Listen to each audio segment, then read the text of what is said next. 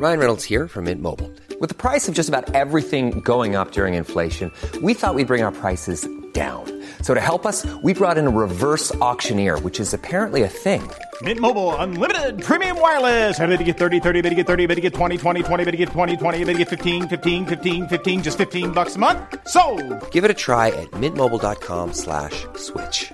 $45 upfront for three months plus taxes and fees. Promo for new customers for limited time. Unlimited more than 40 gigabytes per month. Slows. Full terms at mintmobile.com.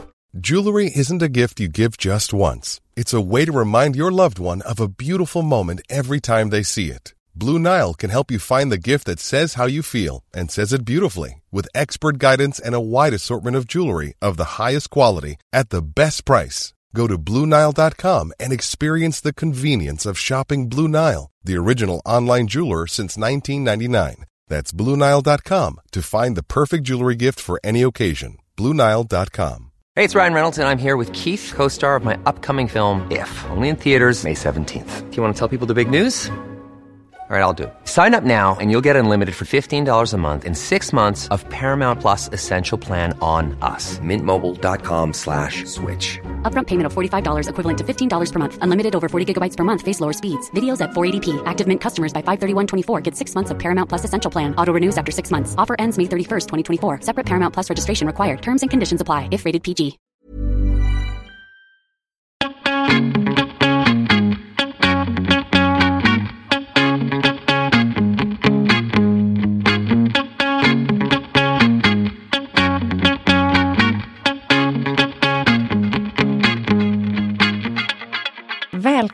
Mode och livsstilspodden. Här kör vi klimatsnack för modenördar och livsnjutare av Anna Blom och mig, Kristina Tjäder. Vet du vad Amendment 171 är?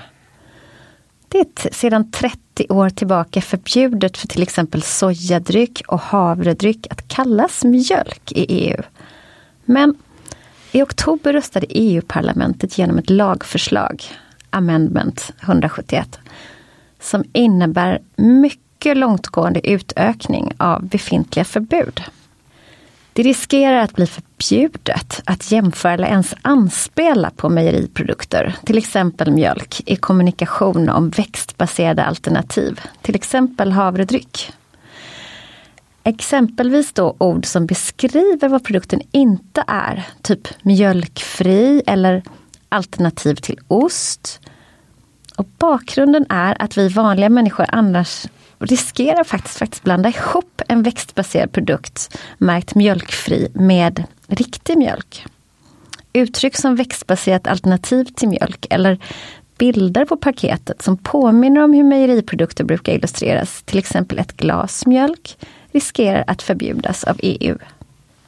I en debattartikel i Göteborgs-Posten i februari i år skriver en av Oatlys chefer och ordförande i branschorganisationen Växtbaserat Sverige, Cecilia McAlvey, att Sveriges regering nu måste stå upp för klimatmålen och arbeta för att stoppa förslaget. Konsekvensen är nämligen att omställningen till ett hållbart livsmedelssystem försenas. Ja, frågan är om det här förenklar. Jag tror ju inte det. Det som är för Amendment 171, de förespråkar att förbudet behövs för att göra det enklare för oss när vi handlar. Men nio av tio svenskar uppger att det inte är svårt att skilja mellan mejeri- mejeriprodukter och växtbaserade alternativ. Alltså, har du problem med det? Nej, inte det minsta. Nej, eller hur? Eh, menar, kan ett förbud mot att beskriva växtbaserade produkter som alternativ till mejeriprodukter istället försvåra för oss? Alltså jag måste bara inflika. Ja, ja. Det har ju hänt att jag har köpt laktosfria mejeriprodukter av misstag. Men jag har aldrig köpt växtbaserat Nej. av misstag. Nej, så då kanske det är mejeriprodukterna som ska bli lite tydligare. Kanske faktiskt. Bra, bra input där. Ja. Lyssna nu alla politiker. Ehm, men alltså förslaget, det, det är också det att det går emot EUs egna klimatmål och klimatforskningen. Alltså livsmedelssystemet orsakar ungefär en tredjedel av de globala växthusgasutsläppen. Och EU ska minska utsläppen med minst 55 procent till år 2030 jämfört med år 1990.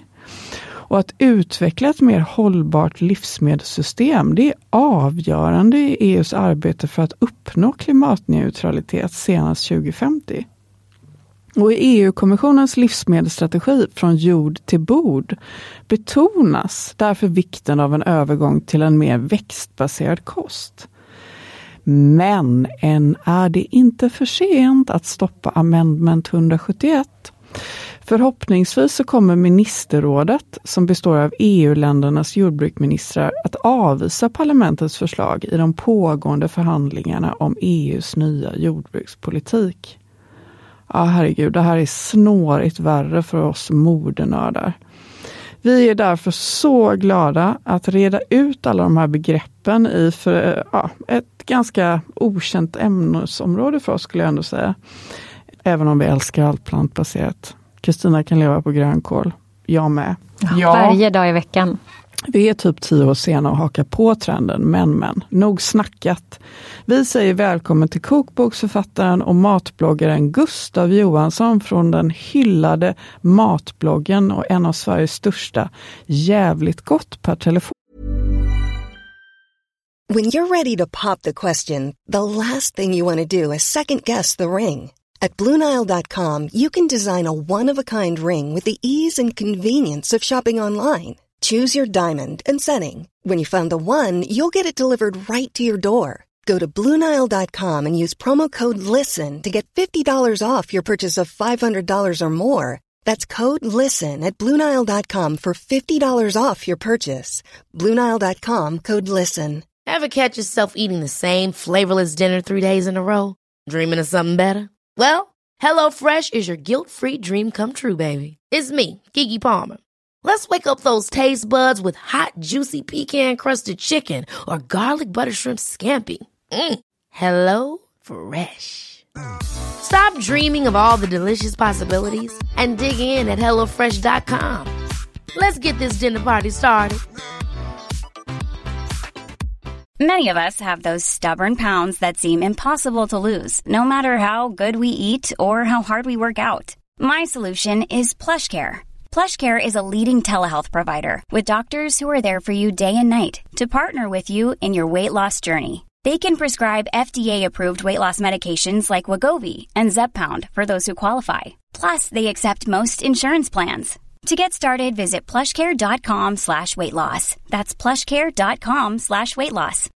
Millions of people have lost weight with personalized plans from Noom. Like Evan, who can't stand salads and still lost 50 pounds. Salads, generally, for most people, are the easy button, right? For me, that wasn't an option. I never really was a salad guy. That's just not who I am. But Noom worked for me. Get your personalized plan today at Noom.com. Real Noom user compensated to provide their story. In four weeks, the typical Noom user can expect to lose one to two pounds per week. Individual results may vary. Hiring for your small business? If you're not looking for professionals on LinkedIn, you're looking in the wrong place. That's like looking for your car keys in a fish tank. LinkedIn helps you hire professionals you can't find anywhere else, even those who aren't actively searching for a new job but might be open to the perfect role. In a given month, over 70% of LinkedIn users don't even visit other leading job sites. So start looking in the right place. With LinkedIn, you can hire professionals like a professional. Post your free job on linkedin.com slash people today.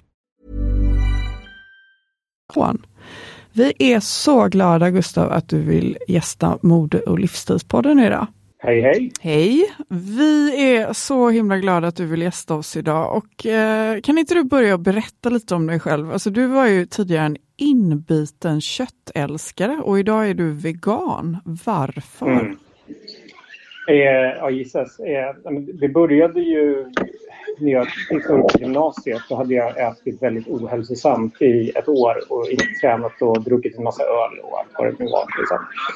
Eh, och jag kände att jag behövde en utmaning för att ta tag i mig själv och bevisa att jag inte bara var en liten lort utan självkontroll i stort sett. Så jag tänkte, vad är det absolut svåraste jag kan föreställa mig som samtidigt skulle vara bra för mig? Och då, då dök ju att äta vego upp. Eh, så jag tänkte, okej, okay, men jag tar ett halvår. Men det var det här året, året efter studenten när alla mina polare hade flyttat och eh, börjat plugga och jag fick vara i fred hemma. Eh, så jag tänkte, det här är perfekt. Nu har jag ingen social grupptryck som jag kan fly lite.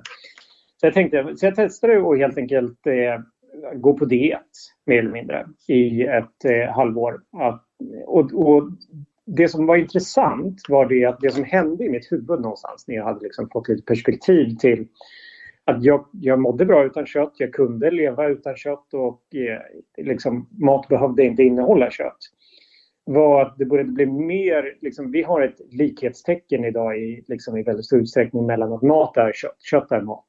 Det är liksom ingenting vi reflekterar på. Det är som att eh, luft innehåller syre. Det är bara det är luft, det är syre, det är inte det samma sak. Liksom. Nej, det är faktiskt så att luft innehåller mestadels kväve. Liksom. Och nu när du tänker på det så är det faktiskt inte nödvändigtvis så att det är samma sak. Det är två olika saker som väldigt ofta hör ihop, men de behöver inte höra ihop. Liksom. Eh, och lite så blev det för mig med, eh, med kött och mat. Att jag liksom började se att men kött måste inte vara mat. Och då blev det mycket lättare att titta på vad kan kött vara då? Och då är det ju ganska obvious liksom, kroppsdelar från djur. Eh, och det kändes då plötsligt lite äckligt nästan. Eh, så att jag blev på något sätt, vad ska man säga, etiskt övertygad vegetarian under det här halvåret. Bara någonstans genom att liksom testa att inte äta. Men det problemet var ju att jag ganska snabbt insåg att okej, okay, jag kan gå på diet ett halvår, men kan jag klara av en livsstil utan all den här goda maten som jag är uppvuxen på? Alltså för det, när jag säger att jag var inbiten köttätare så menar jag verkligen att jag älskade husmanskost och hamburgare och pizza och allt sånt. Liksom. Eh, och Been there, done that. Ja, men verkligen. verkligen liksom det jag fick höra från mina polare när jag hade berättat att jag blev vegetarian, det var ju som att du är dum i huvudet, du kommer aldrig äta något, någonting gott någonsin igen. Liksom. Eh, och det var väl det som någonstans startade hela arbetet med bloggen. Att jag, jag kände att sen, jag måste, det måste ju gå att göra goda vederburgare. Liksom. Ja, det låter ju fantastiskt. Också mm. intressant att göra den här resan, att testa och se tycker att det behöver ju ens kött längre. Och liksom, eh, jag tycker mm. också väldigt spännande att när man vänjer sig av med någonting så kanske man helt plötsligt tycker det är jättekonstigt. Ja, men alltså det, det här är ju köttnormen. Det är det det ja. på. Det vill att det är normalt ja. att äta kött. Men som alla normer, så de som är i den reflekterar inte över den för då är det normalt. Det är det som är ja. grejen. Eh, men det är det som är grejen med, med vår relation till kött. Att vi har en en väldigt, av, en väldigt normaliserad relation till det. Det är liksom inte konstigt alls för oss. Medan det faktum är att det finns faktiskt, framförallt idag, fog för att ifrågasätta är det sätt vi, vi liksom äter kött på. Eh, men det är också det som gör det så svårt, därför att det är så normalt, en så stor del. Det är som att säga, om vi nu säger att vi kopplat till kläder inte ska använda läder till exempel. Men det är ytterst normalt att använda läder. Det finns inte så mycket...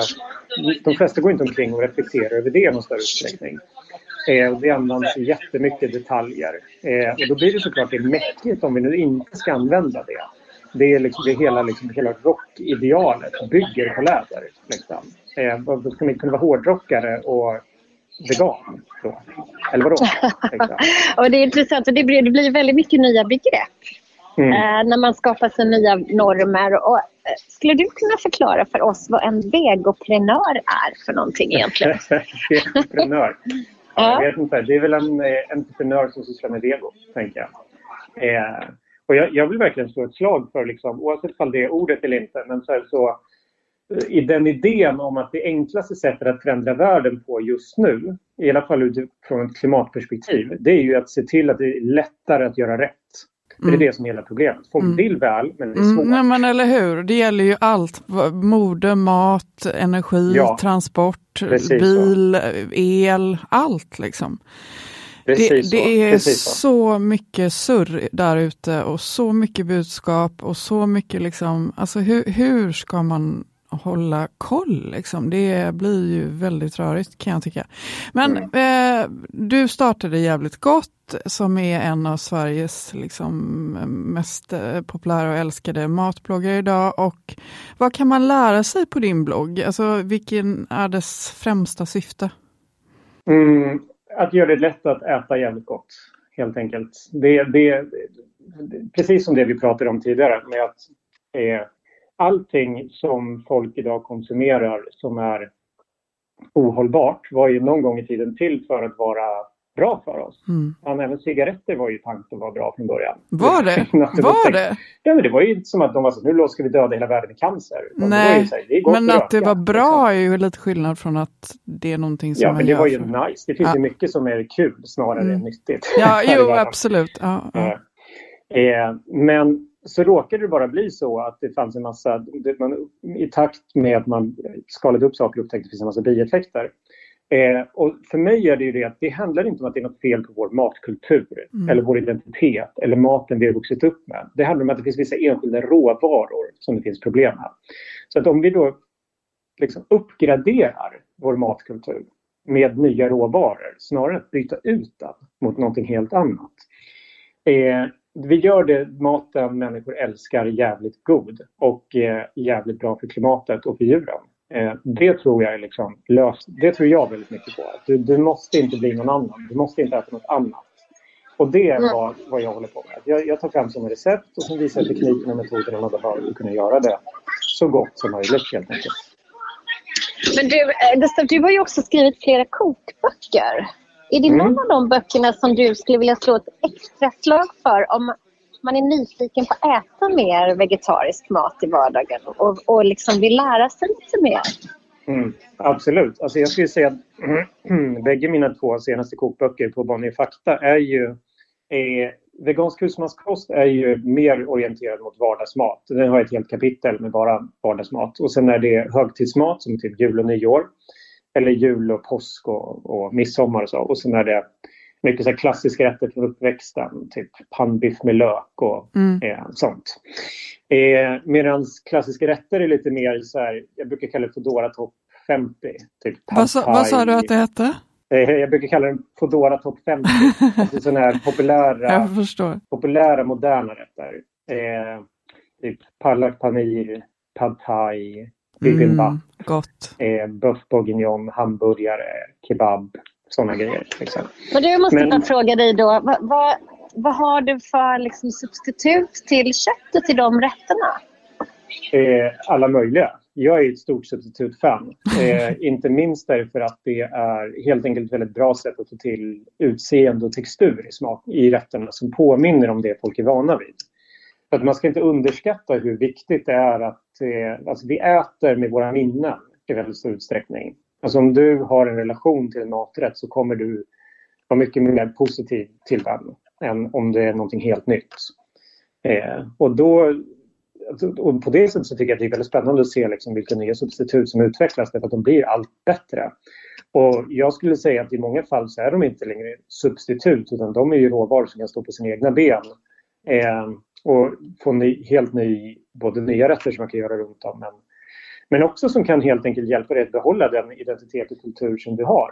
Eh, om du är italienare och älskar pasta carbonara över allting annat det känns väl jättetråkigt att du ska behöva välja mellan att rädda världen och äta pasta carbonara. Liksom. Det tycker jag känns sugigt.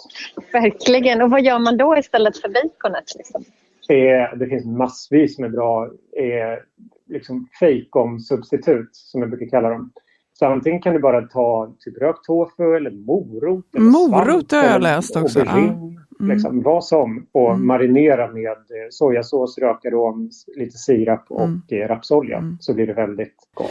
Men Gustav, hjälp oss. Vad händer i EU? Varför krigar man runt vegoburgare och kommunikation Ja. kring växtbaserade alternativ till mejeriprodukter? Mm. Ja, nej men det är ju alltså på många sätt så kan man likna det som händer i vego, i vego och matvärlden just nu med vad som har hänt inom fossila bränslen eller eh, många andra branscher där det finns ett gammalt system som kämpar med näbbar och klor för att bevara sig själv samtidigt som eh, andra krafter trycker på utifrån för att förändring måste ske. Eh, och, och här är det ju viktigt att komma ihåg just att det var ju ingen som började med oljeutvinning eller med djuruppfödning för att de är ondskefulla människor som vill förstöra saker. Utan de gjorde det därför att det var ju någonting som var väldigt bra för världen. Alltså när, när man startade fossila bränslebranschen så var ju de liksom världens hjältar. Eh, Likaså bönderna och eh, Arla och Scan och liknande som matade svenska folkundret. Liksom. Eh, och sen har vi kommit till en punkt där vi ser att det finns massvis med problem, framförallt ur ett klimat men även ur ett djur och naturproblem med, med de här branscherna. Men då sitter det enormt mycket pengar och infrastruktur investerad i de här gamla systemen. Och det sitter många människor där som har sin eh, som har mycket investerat i dem. Och det, det är naturligt att det, eh, det sker en motreaktion mot de här förändringarna som någonstans behöver ske också. Och det som sker i stort sett i EU är ju det att lob- eh, mjölk och köttlobbyn har lobbat igenom, eller håller på att försöka lobba igenom förslag som är till för att eh, snedvrida konkurrensförutsättningarna i stort sett mellan vego och kött. Där kött vill säga, alltså man, man kan på ett sätt förstå ur deras perspektiv att så här, de kommer från ett perspektiv där de har haft monopol på en typ av produkt, säg eh, hamburgare och mjölk. Eh, och så kommer det plötsligt en massa andra avarter som inte består av samma, som gör det på ett helt annat sätt men som vill kalla sina produkter samma sak som dem. Det är som att de, om, om någon skulle komma, nej men vi gör inte, alltså så här, det, det, är en fin gräns här mellan vad, vad som jag tror upplevs vara liksom ett varumärkesintrång. Det vill säga, men vad, det här är ju vår produkt. Och vad som är bara att det är, eh, det är faktiskt bara Alltså, ni äger ert varumärke. Ni äger inte rätten till själva idén om produkten. Eh, men det är det som EU, eller som de här företagen nu försöker lobba för. Det vill säga att idén om en hamburgare eller idén om en vit måltidsdryck eh, som har kallats mjölk är kopplad till dess ursprung. Att om den inte kommer från ett djur så är det inte samma idé oavsett hur lik den är. Eh, och det gör ju de för att försöka försvara sina marknadsandelar. Det är ingenting annat än så. Och sen så finns det då såklart eh, politiker som lyssnar på de här lobbyisterna. Eh, men det finns, lika, det finns långt ifrån lika mycket lobbyister som säger någonting annat. Men det finns ändå en ökande förståelse för att den här omställningen till alternativa sätt att producera maten vi är vana vid krävs. Eh, för att de gamla sätten är helt enkelt för eh, resursineffektiva. De är för dåliga för klimatet, de är dåliga för djuren och miljön. Liksom. Och vi måste hitta alternativ. Ja, ja, det är ju väldigt intressant det här. Man behöver ju verkligen hitta många nya alternativ. Och, eh, det finns ju någonting eh, som EU har, har eh, skapat som kallas Amendment 171. Känner du till det och kan du berätta för ja, våra lyssnare vad det in, innebär? Eh, 171 är ju det här förslaget som är, för det fanns två förslag som presenterades i, eh, för nästan ett år sedan. Eh, som gick ut på att det var 165 och 171. Och 165 var det här vegoburgarförslaget som jag tror att väldigt många talas om. Att eh, burgare, korv, schnitzlar och andra köttliknande produkter inte skulle få kallas vego. Men det får de, eh, eller hur? Det får de, därför det röstades ju bort utav EU-parlamentet mm, när den nya jordbrukspolitiken ja. skulle fram. Exakt. Men 171 är en liknande grej, fast den går ett steg längre och den rör mejerier. Det finns redan ett förslag eh, i, i, in effekt i, i, EU idag som säger att man får inte kalla vegoprodukter Vad eh, innebär eh, ineffekt? Och så. Liksom. Vad innebär eh, ineffekt? Ja, ineffekt är det att det är i verkan. Det är jag min jävla svengelska. Mm. Eh, det, det, är igång. Det mm. existerar. Mm. Det är igång. Eh, som säger att eh, du får inte kalla havredryck för havremjölk. Och det, så har det varit i några år. Så det gör vi inte. Men nu vill de ta det ett steg längre och nu vill de börja förbjuda jämförelser mellan växtbaserade mejerier och kobaserade mejerier. Så du får inte säga till exempel på en, en yoghurt eh, en sojgurtförpackning idag så står det växtbaserat alternativ till yoghurt. Det ska du inte få stå. Eh, du kan, kommer heller inte få kalla den eh, creamy eller smörig eller laktosfri. Var, varför det? Därför att de vill helt enkelt göra det svårare att marknadsföra de här produkterna och att likna dem med, med dem. Liksom. Det känns som ett sånt övertramp ju. Ja, det är helt galet. För det, det strider ju mot klimatmålen dessutom. Så man, det blir ja. väldigt motsägelsefullt. Ja, exakt. Just konflikten med klimatmålen är ju, är ju egentligen det som är mest anmärkningsvärt ja, det här. Det vill säga att EU å ena sidan antar högt flygande mål och, och liksom slår sig för bröstet kring sin klimatstrategi samtidigt som jordbrukspolitiken ligger liksom år efter. Eh, nu var man väldigt nöjda med i samband med omförhandlingen av jordbrukspolitiken att bara 20 eller 30 procent av stöden ska gå till hållbar omställning. Men de 70-80 procenten i övrigt behöver inte göra det. Och jordbrukssektorn är en av de sektorer i världen som släpper ut absolut mest klimat eh, eller CO2 eh, gaser och det är ett jätteproblem. Och sen då när de heller inte eh, ser eh, vilka konsekvenser, alltså vilken utmaning de gör eh, när, jag ska säga så här, eh, det blir väldigt problematiskt när de i ena handen reglerar och gör det svårare för mm. de här nya alternativa mm. produkterna och mm. företagen att komma fram. Mm. Eh, det är i praktiken som att man skulle säga att elbilar inte får kallas elbilar. Mm, och att ja, verkligen. liknas med vanliga bilar. Mm. Det är helt befängt. Mm. Mm. Men exakt, och det tog ju många år också innan elbilarna så att säga, fick en chans. För att det var ju väldigt hårt motarbetat av, skulle jag vilja säga, petroleumbranschen. Absolut, absolut. Eh, och, och, jag skulle säga att det vi ser nu inom mat är väldigt lika det som har skett de senaste 20 åren inom fossila bränslen. Eh, det vill säga att vi har en gammal bransch som, som kämpar med näbbar och klor för att slippa, om, slippa mm. omställningen. Mm. Liksom. Eh, men, men, det, mm. och det är väldigt olyckligt. Liksom. Det är väldigt, väldigt olyckligt för det drabbar oss eh, människor på väldigt många olika sätt. Dels liksom i det viktigaste av allt, klimatmålen, att det strider mot det, men även liksom förenklingen av vardagen blir ju, mm. den blir ju inte enklare om man inte ska kunna få förklara vad det är. Nej. Det är en, en ersättningsprodukt till yoghurt det här. Liksom. Mm. Nej, men, men, exakt. Men, men, man måste komma ihåg här att det, det är faktiskt liksom en... Det finns mer paralleller här till fossila bränslekonflikten än vad man kan tro. Alltså det på vilket sätt på hur, då? Liksom, till exempel debatten mm. om vegofrågan ser ut i Sverige. Mm så, så finns det ju de på många eh, som säger att så, här, men så länge du äter svenskt kött till exempel så är det, så är det bra. Därför transporten är värre till exempel. Eller att så länge du äter eh, naturuppfött eh, eller naturbeteskött och så vidare så är det fortfarande okej. Okay. Men, men det, det stämmer inte. Alltså, Gör det inte? För det har, vi, det har vi fått sagt till oss också. mm, ja.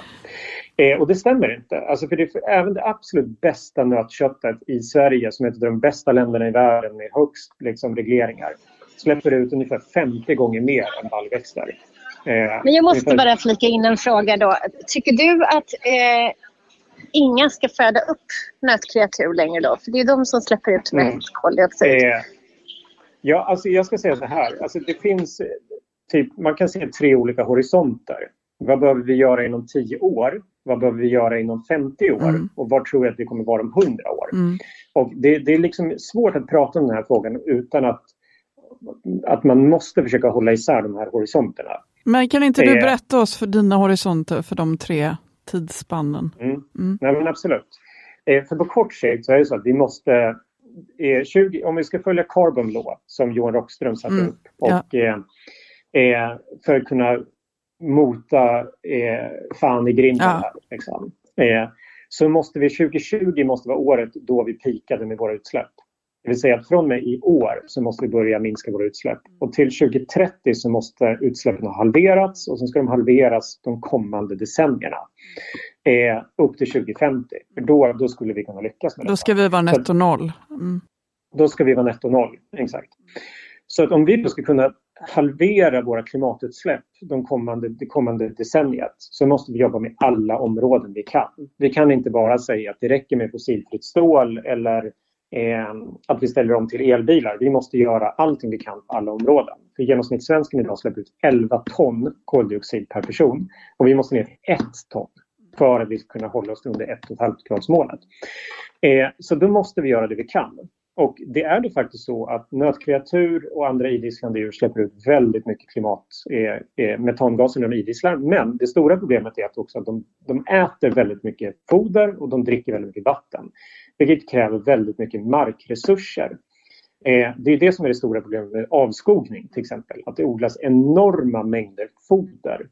Eh, ungefär 80 procent av världens jordbruksmark används till, eh, jord, eller till köttproduktion idag. Eh, för att det är foder som tar så mycket Och det här måste vi rå på. Eh, men inom tio år så är det ingenting som säger att det, det vi måste göra för att rå på det, det är att nolla all köttproduktion. För vi skulle mycket väl, vi skulle komma jättelångt på att bara halvera den, till exempel. Eh, men vi har ju vissa utmaningar i och med att dagens system är byggt på ett, eh, ett system där djur är en del. Så bland annat så har vi väldigt mycket gödsel som vi, odlar, som vi använder för att eh, eh ja, tillföra näring till våra åkrar utan att behöva använda konstgödsel. Eh, som kommer från koskit i stort sett och, och hästskit.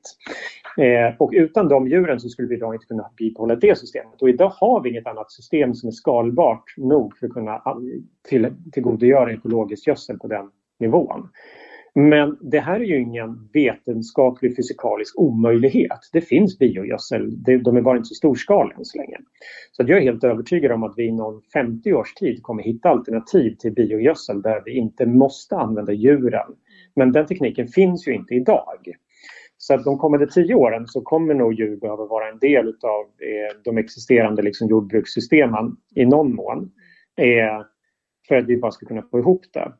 Men jag tror inte det betyder att det nödvändigtvis är så att vi alltid kommer behöva ha det så. Eller för den sakens skull, även om vi skulle ha djur i systemet, att vi nödvändigtvis måste äta upp dem.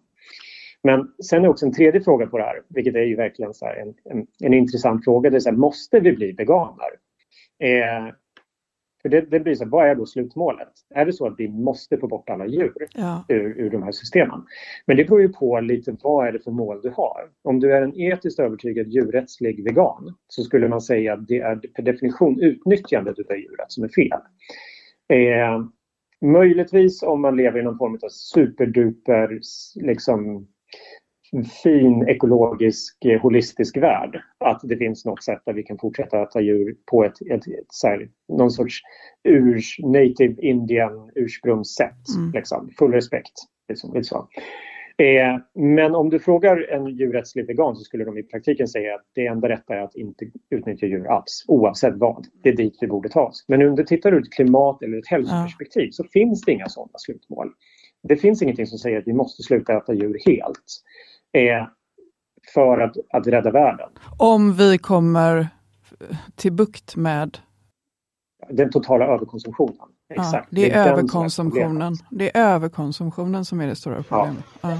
Ja. Men jag tycker också att det är ganska intressant det här med om man nu skulle sluta föda upp djur eh, och gå över till eh, vegetarisk mat.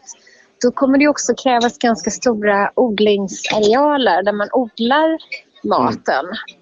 Mm, men det, där det här fel. med avskogning och sånt. Det, ja, men exakt. Ja, det, det, där är det, ja. det där är 100 procent ett feltänk. Därför man tror att så här, man missar vad är det all jordbruksmark går åt till idag. Men kan man inte odla eh, på, läng på, på höjden?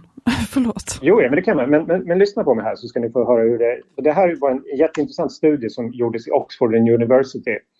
Oxford University för eh, 2018. Eh, jag kan länka den så ni kan lägga den Ja, i, eh, tack snälla du.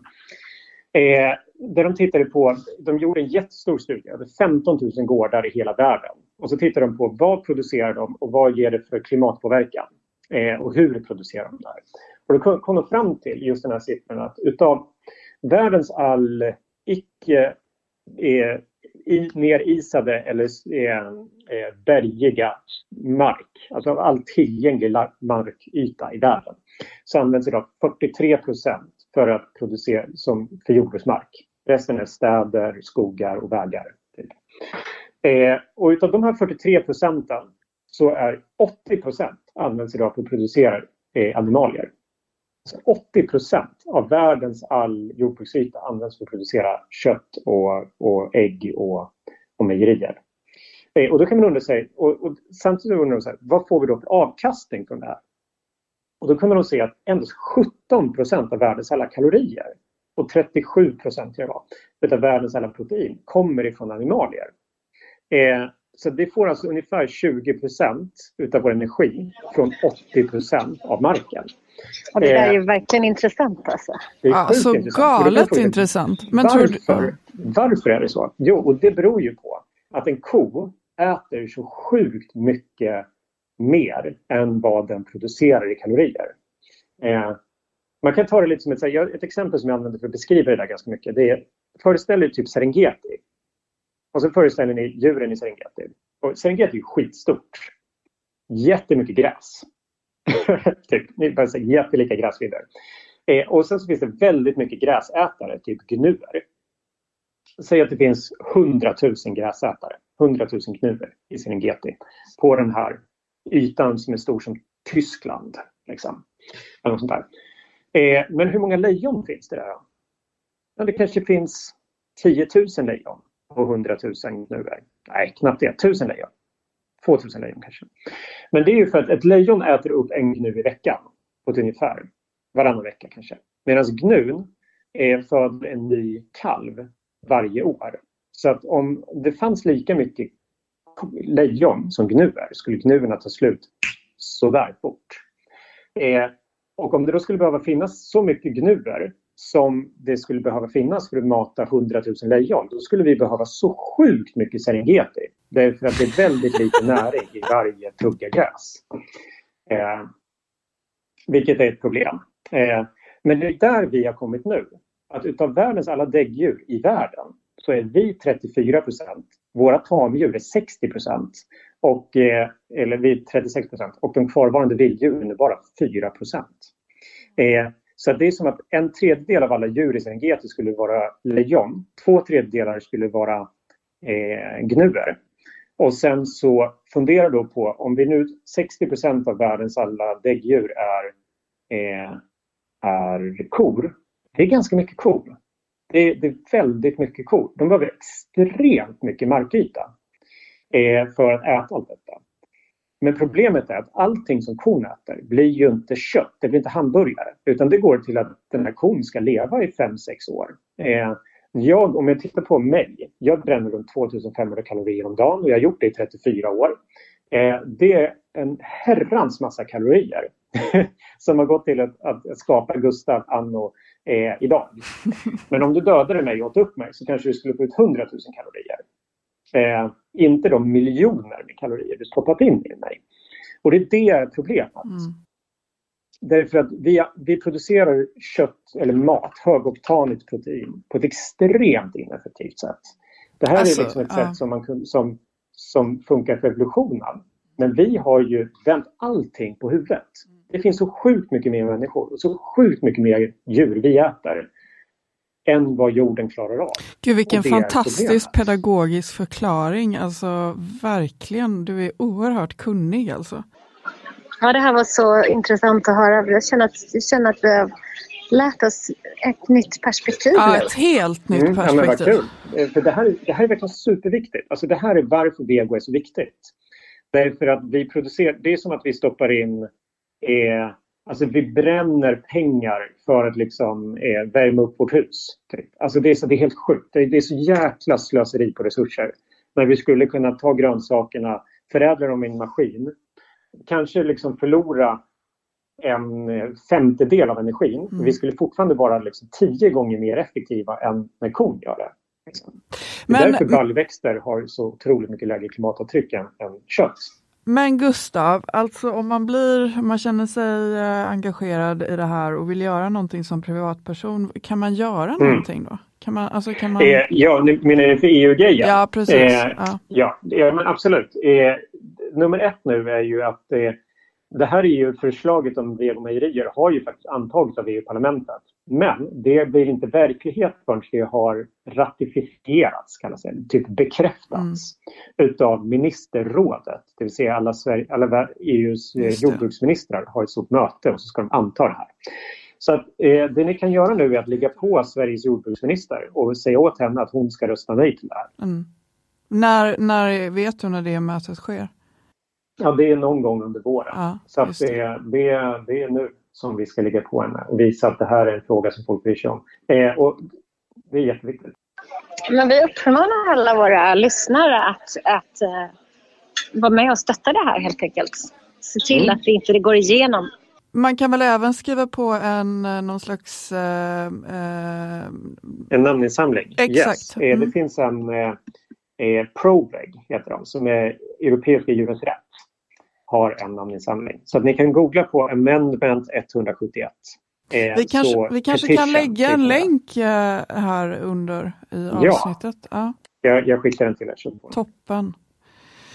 Eh, men Alltså vi brukar ju alltid avsluta med att fråga våra gäster vilka är dina tre bästa tips för en klimatsmart livsstil? Alltså du har ju gett så mycket tips och råd och insikter Gustav, men om du skulle summera liksom för att mm. just göra det enkelt för våra lyssnare. Eh, mm.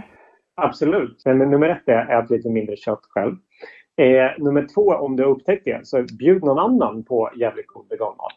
Eh, för det är någonting, eh, man kan göra väldigt många har inte upptäckt hur mycket lättare och mycket godare det är än vad man tror. Så att bjuda någon annan på jävligt god veganmat, det brukar jag säga, det, det är super.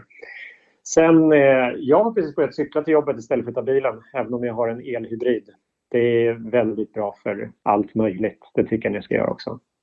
Kanon! Så fina tips. Och Gustav, alltså tusen, tusen tack för att du har upplyst ja, oss. Verkligen. Men jag bara mm. har en fråga till. Gustav, skulle du vilja dela något jättebra vardagsvegotips ja. som vi skulle kunna få lägga upp? Mm. Vi hade tidigare här en gäst där vi fick göra en vegetarisk köttfärssås där man mm. Det var årets kock eh, förra året, eh, jättegott. Ludvig Kärnemo. Mm. Ja, verkligen årets kock. Och det skulle vara jättespännande att få ta del av något av dina så här smartaste vardagstips som man kan få till när en vanlig onsdag. Liksom. Ja. Eh, nej men alltså, jag är ju ett stort substitutfan. Och det finns vissa substitut som är så helt fantastiska. Eh, som man kan komma jättelångt på. Eh, formbar färs är ju typ din bästa vän. Både till köttfärssås, till tacos, till köttbullar, pannbiffar, lasagne, allt möjligt. Men eh, det är så bra. Eh, så testa det. Sen skulle jag också säga att typ, byt ut vissa så här, vegomejerier faktiskt som är väldigt lätta. Typ matlagningsgrädde mot havregrädde. Eh, yoghurt mot sojagurt. Eller eh, eh testa dig fram lite bland eh, margariner också. Så finns det verkligen, det finns ett svart paket från ett företag som heter Naturlig som, har, som är så jävla gott. Eh, som är verkligen riktigt, riktigt bra. Ingen palmolja. Du, du kan till och med bryna det eh, både steka i och ha på mackan. Så det finns vissa sådana här, liksom, byt ut vissa enskilda råvaror så gör du väldigt mycket för klimatet utan att det märks så stor skillnad överhuvudtaget. Tusen, tusen tack Gustav. Vi är så glada att du var med oss idag och eh, fortsättning följer helt enkelt. Nu är det... det, det. Verkligen. Mm. Okej, okay. ha det jättebra. Ha en fortsatt bra dag. Hej. Tack, tack Hej. mycket.